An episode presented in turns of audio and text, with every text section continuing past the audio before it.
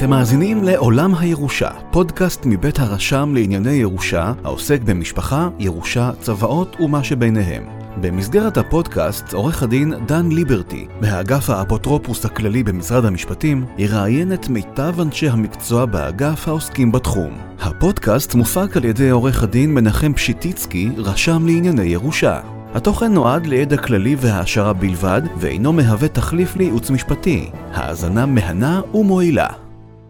שלום מאזינים יקרים, אנחנו שוב איתכם בהסכת עולם הירושה, והיום איתנו כבוד הרב רפי שטרן, שליטה, רב במכון הגבוה לתורה באוניברסיטת דבר אילן, ובנוסף, מייסד בית ועד לתורה, זהו בית ועד בעצם קהילתי, שפועל מזה כ-20 שנה בגבעת שמואל, ועוסק באופן סדיר בדיני ממונות. במסגרת פעילות בית הוועד, נכתב בין היתר הספר ירושת משפט שעוסק בדיני ירושה. אז יש לנו פה את הכבוד לראיין את הרב רפי שטרן. שלום הרב רפי. שלום וברכה. אה, הרב רפי, האמת שאנחנו נמצאים בעיתוי מוצלח במיוחד, פרשת אה, פנחס, פרשת השבוע, וזו פרשה שכן, עוסקת בדיני ירושה, אני צודק. בוודאי. אז ככה, לטובת המאזינים, אני רק אגיד בשתי מילים מה הסיפור של הפרשה.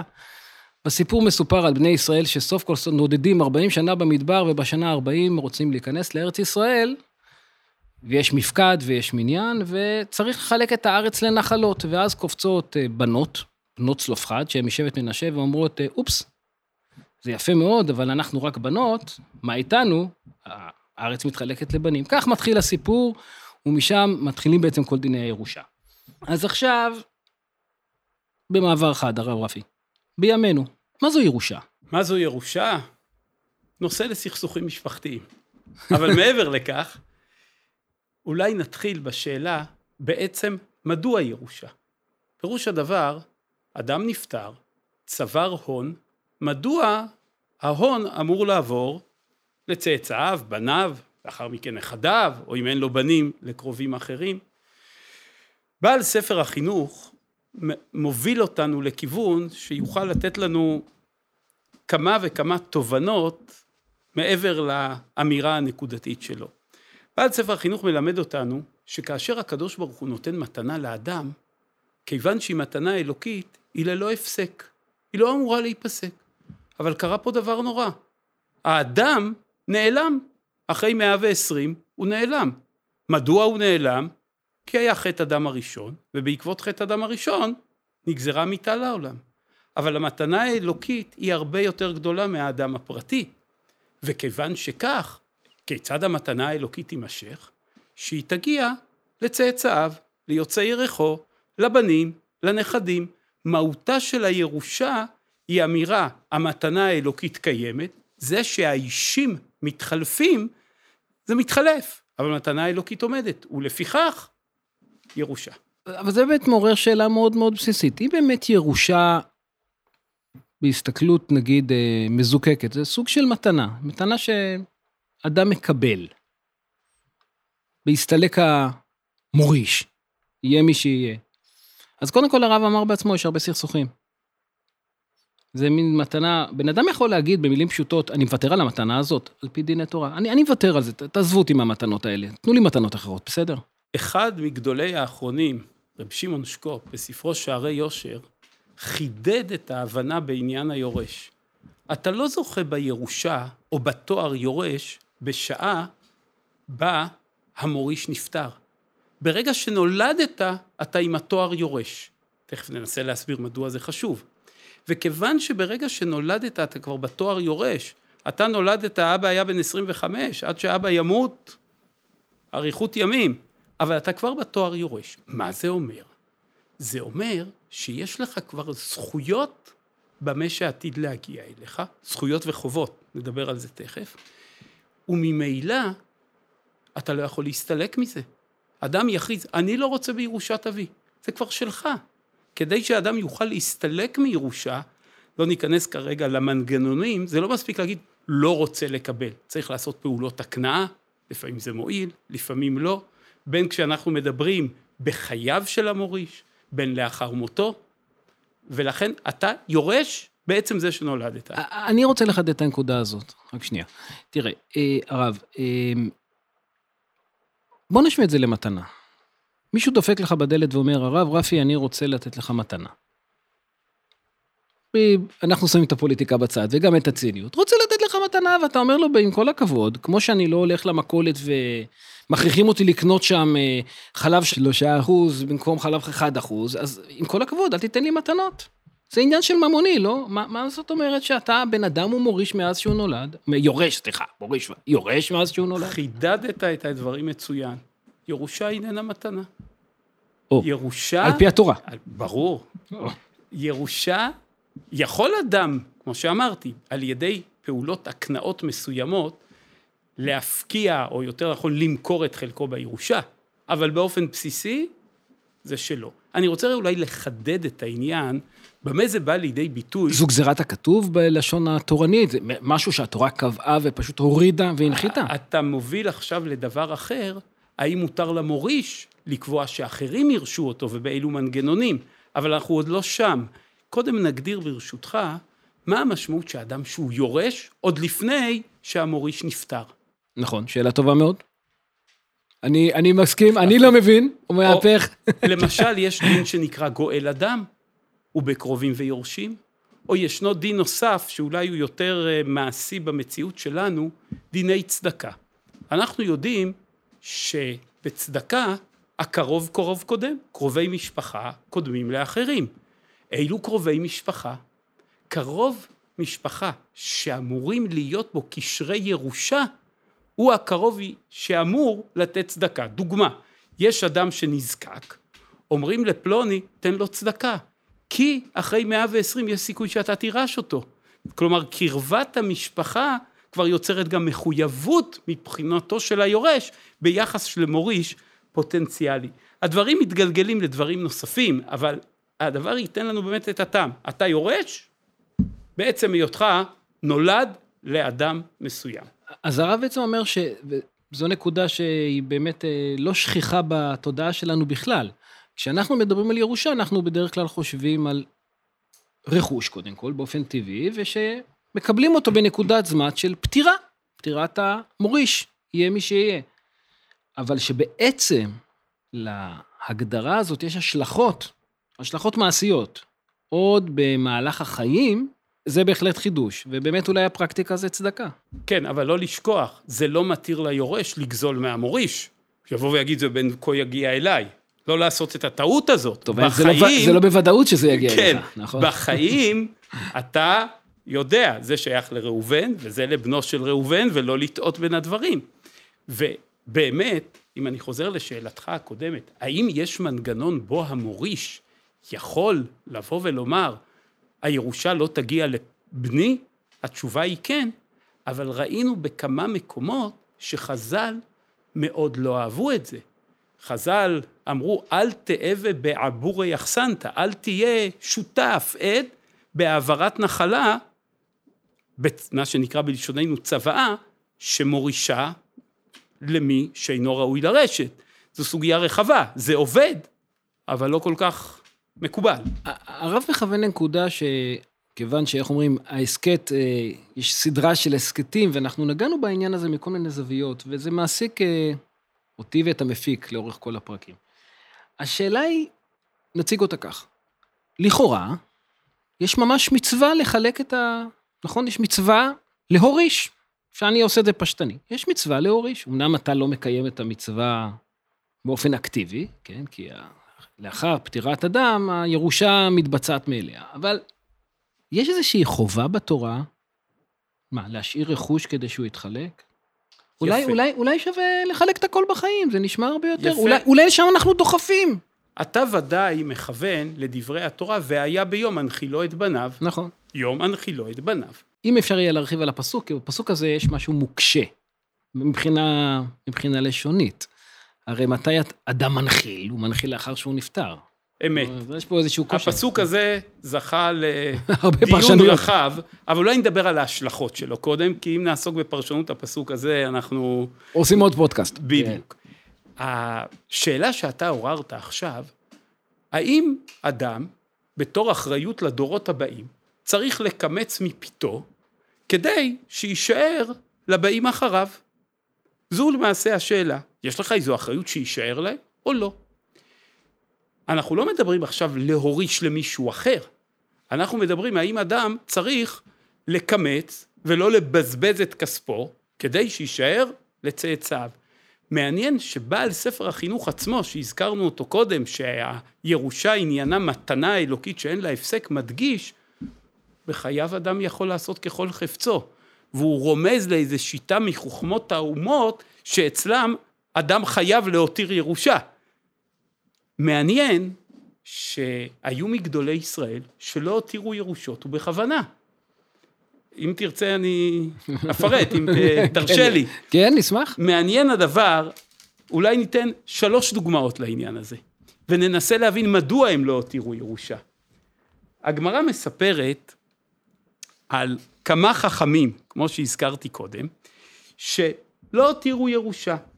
הגמרא למשל מספרת על רבי שמעון בן לקיש, ריש לקיש, הידוע, אולי בעל התשובה המפורסם, שהיה יושב ואוכל ושותה, ובכלל לא היה חושב על יום המחרת. מה שהיה לו, היה מוציא על היום.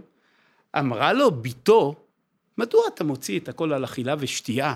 אולי תקנה שתהיה לך כרית כדי לישון עליה, קצת, אה, קצת לשפר ליהנות. את השינה, כן. לשפר את השינה. אמר לה, באמת תשובה, קרייסי קרי. אני לא צריך, אני ישן על הבטן, אני לא יודע בדיוק איך ישנים על הבטן. טוב, כשהוא היה ממש לפני מותו, נשאר לו קווה דמוריקה. קווה דמוריקה, הכוונה היא קצת כרכום, כמות קטנה של כרכום. והוא אמר על עצמו בצער רב, ועזבו לאחרים חיליו. חבל, למי זה יגיע? אולי הבת שלו הייתה היורשת היחידה, אולי לבנים אחרים. ממה הוטרד ריש לקיש? מדוע הי- הייתה לו איזושהי הקפדה שלא יוותר למי, לא יוותר שום דבר? מעניין שחפץ חיים, בפירושו לתורה, אומר שההסבר הוא כזה. ריש לקיש רצה לעסוק בתורה. אלא מה? צריך לעבוד כדי להתפרנס. אם נותר לו משהו אחר 120, זאת אומרת שהוא בזבז יותר מדי זמן על פרנסה ביחס לתלמוד תורה. כלומר, ריש לקיש אמר, אם אני הותרתי משהו, לא חישבתי את דרכיי מספיק טוב. זו מעשייה אחת. לא להותיר. מה עם הדורות הבאים? לעצמם, יסתדרו. אבל זה לא המקרה היחיד. אנחנו מוצאים על מר עוקווה. מר עוקווה, לפני מותו, קרא ואמר, תנו לי את חשבונות הצדקה. קרא, למי נתתי, מה נתתי, איך נתתי, מה יש, מה נותר. אני צריך להכין לי צידה לדרך, מזוודה לדרך. לאחר 120, כן. לאדם יש יום דין גדול ונורא. והוא אומר, אני אכין איזה צידה. הלך ובזבז לפלגי ממוני. הלך ובזבז פה, זה במובן החיובי, כן. כן. לצדקה. הוציא. מה עם היורשים? לא הוטרד מזה. כלומר, יש ערכים יותר גדולים, לתת לצדקה. היורשים אומרים, גם אנחנו רוצים. מסתבר, אני מציע, שיורשיו לא היו עניים, כי אם יורשיו היו עניים, מסתבר שהוא היה עושה. זה פחות אולי קיצוני מהמעשה של ריש לקיש, אבל שוב, יש עוד ערך צדקה.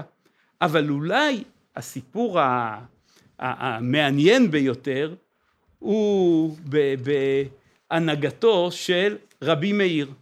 הגמרא מספרת על רבי מאיר, שוב באותו הקשר, שרבי מאיר היה כתבן טוב, כותב, סופר, סופר, סופר סתם, והיה מתפרנס שלושה סלעים כל שבת, היה אוכל ושותה בחלק מהם, מתכסה באחד מהם, ואת השאר היה תמיד מפרנס לרבנן. זה היה, אכילה שתייה, פרנסה כללית וצדקה. אמרו לו תלמידיו, רבי, אבל מה עם הבנים שלך? אתה מבזבז את הכל. אומר, אם הם יהיו צדיקים, דוד המלך אמר, ולא ראיתי צדיק נעזב. ואם לא, מה אני מניח את שלי לאויבי המקום? חד וחלק. אז כלומר, ראינו שחכמי ישראל בדברים מסוימים אמרו, אנחנו לא מחויבים, אבל היה להם, הייתה להם סיבה, ערכים שונים. יש מקום להעריך בזה, אבל זה לא אבל, כאן אבל המקום. אנחנו כאן אה, אולי מתקדמים בציר, אבל אנחנו מכוונים לנקודה נוספת. אולי התורה דוחפת אותנו, בלי שאנחנו שמים לב, לחלוקה בחיים. זאת אומרת, מעבר, להגיד ככה, אם לאדם יש רכוש, למה שלא יחלק אותו בחייו? השלה הקדוש כותב, פשוט, אם יש למה לך- צריך להגיע ליום הדין? השלה הקדוש כותב, אם יש לך רכוש, אל תחלק אותו לבניך בחייך. כי אם פעם לא יהיה לך ותצטרך לבניך, זה יהיה מאוד גרוע. תשאיר אותם במתח בלשון שלנו. כן, תשאיר אותם, זה יהיה הכל אצלם, אולי הם אפילו לא יכבדו אותך. כך כותב השלה הקדוש כעצה לחיים. זה לא נורמלי שהבנים אמורים לפרנס את הוריהם. אז אה, ניתן לסכם, אני חושב, לומר ככה, ש, שיש דרכים שירושה, או העברת. אה, העברת אה, ירושה היא אולי לא הדרך היחידה, יש דרכים נוספות. אדם יכול לחלק את רכושו בחיים, מתנות, אבל לכם כל דבר באיזון. אוקיי, כל דבר באיזון. אנחנו קצת לקראת הסוף, אני רוצה לשאול על, נוסף, על נושאים נוספים. בעצם, כשאנחנו פוגשים ירושה בתורה, אנחנו מדברים על ירושה בדרך כלל, על נחלות ועל רכוש, וזה השיח המקובל. יש דוגמאות אחרות של ירושה בתורה? ברור, נשמע. כהונה, מלכות, עוברות בירושה. איפה זה פוגש אותנו היום? שאלה מצוינת. השאלה איפה זה פוגש אותנו היום, הרבה פעמים צריכה לשאול, אז האם הקושייה היא על התורה, או הקושייה היא על היום? אז אני אשאיר את השאלה הזאת פתוחה, שכל אחד ימצא את התשובה במסגרת שלו. אבל אנחנו פעמים מוצאים למשל מוסדות שהקים אותם מישהו, ויש שושלת של בנים ונכדים, וממשיכים את המוסד. יש כאלו שרואים את זה בצורה שלילית, ויש כאלו שאומרים, הוא ישמור על האופי של המוסד, יש בעל בית, יש אחריות. מעניין שחז"ל אומרים, וזה גם קשור קצת לפרשיות השבוע, חז"ל אומרים על ממלכת אדום, שעובדיה הגר, כן. שהיה גר אדומי, מתנבא עליהם, בזוי אתה מאוד, קטון נתתיך בגויים, שלא מעמידים מלך בן מלך. שלא אין- מעמידים שלא. מעמידים. אין את ההמשכיות, זה מראה שאין לוז, אין איזה דבר ממשיך בדבר. מה, הרי בעולם שלנו, כן, בעולם שלנו, ביום-יום שלנו, טוב, אז מלוכה נשים באמת בצד, כי זה עניין טעון, והיום יש לנו ממשלה, ופוליטיקה, ודמוקרטיה, וכל הדברים שכולנו בוחשים בהם אה, מבוקר ועד ערב, וכהונה אנחנו פוגשים בבית הכנסת. אבל בואו נפגוש משהו שיותר קרוב אלינו. למשל, משרות של רבנים, כן? גבאים, רבנים. אנחנו עדיין פוגשים בהחלט שושלות של חסידות, שאבא מעביר לבן, יש איזושהי העברה, ירושה רוחנית. או אתה יודע מה, אפילו רב. ובא הרב הגדול של העיר ואומר, אולי אפילו הגבאי של בית הכנסת, ואומר, תשמעו, הייתי נפלא, נכון עד היום? אני מוריש את התפקיד לבני. אולי, איפה? נש... זה- אולי זה- נשאל את השאלה בצורה זה אחרת. ראוי, זה עובד, זה... מה, מה אפשר לומר על זה? זה... ברשותך, אני אנסח את השאלה האחרת. האם לציבור יש זכות להתנגד לירושה? זאת אומרת, כשאבא מנחיל כסף, הרי שמה? יש לו 100 שקלים, עובר לילדים, זה לא משהו ציבורי. כאשר אדם מוריש את המלוכות, זה לא רק מי ייסע ברולס רויס, או מי ישב בארמון המלוכה, זה מי ינהל את הממלכה. האם יש זכות לעם לבוא ולומר, לא רוצה, למרות שהתורה מדברת על מלך בן מלך. מעניין הדבר שהנושא הזה העסיק את הגמרא כבר. הגמרא אומרת שאת אדוניהו, שחלק על ממלכת שלמה, זה לא עבר בלי רושם. כאן אני רק עושה אינסרט קטן, כן? המלכות הייתה של דוד, דוד, מצוין. והשאלה למי להעביר את השלטון, נכנס אדוניה בן חגית, מנסה לתפוס את השלטון כאחד מבניו של דוד, אבל בעצם דוד הבטיח לשלמה. בת שבע, שבנה שבע, שלמה, בנה שלמה ימלוך, וככה מתגלגלים העניינים. תודה על ההסבר. בכל אופן, אומר, אומר הכתוב, שאת שלמה המלך משכו. יש תהליך של משיכה עם שמן על מעיין. מלך בן מלך לא אמור לעבור משיכה, רק מלך ראשון. אבל כיוון שהייתה מחלוקת, משכו אותו. אבל הדבר מוביל לשאלה אחרת. האם באמת לעם יש זכות לומר, אני לא רוצה? וזה דבר ממש מעניין, שבמסגרת הזאת לא נוכל להרחיב, אבל בתמצית, בתמצית, בעל השפת אמת והחקרי לב אומרים שבאמת יש יכולת לעם לומר, לא רוצים. למרות שהוא מלך בן מלך, אנחנו לא רוצים אותו. אמנם יש האומרים שהם אחרי זה צריכים להתכופף, אבל לא, יש כאלה שאומרים, נגיד לא רוצה, ויחפשו מישהו אחר, אבל מזרע בית דוד. אבל, אבל, אבל פה אני מעז אה, בעדינות לומר, כן, אנחנו לא רואים, לפחות אנחנו בוודאי, מציאות שהעם אומר, אנחנו לא רוצים, אנחנו לא רוצים, ומישהו בא ומכופף אותם? יכול להיות מציאות שהעם, ש... אין מציאות בימינו שהעם לא דופק על השולחן ואומר, סליחה, עד כאן. נראה לי שאתה, ברוך השם, חי בחברה דמוקרטית. בתקווה. רוב העולם, רוב העולם לא מתנהל בדיוק בדרך שאתה מתאר. אבל אני רוצה להמשיך את הנקודה עליה דיברתי קודם, האם לעם יש זכות להתנגד, ואולי פה נביא איזושהי נקודה, וזה באמת יהיה סיום הטיעון שלנו. רב, גבאי, שליח ציבור, האם הדברים עוברים בירושה. ודבר מעניין מלמד אותנו בעל ערוך השולחן. גם אם זה עובר בירושה, רגע, אומר הקהל, אני חייב לשלם לו את המשכורת החודשית? שילמתי לאבא, אני לא אמור לשלם לבן. ולכן אומר בעל ערוך השולחן שכל משרה שיש בה תשלומים באמת לא עוברת בירושה, כי אנחנו לא חייבים לשלם. ובזה בעצם אנחנו פוגשים את היום-יום שלנו. אמת. הרב רפי, תודה שפתחת את uh, ליבנו ב- ב- בלימוד התורה. החכמנו, ובעזרת השם נחכים עוד. תודה. תודה, תודה. רבה.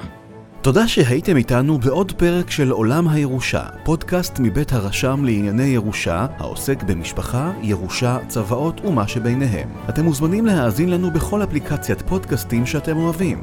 להתראות בפרקים הבאים.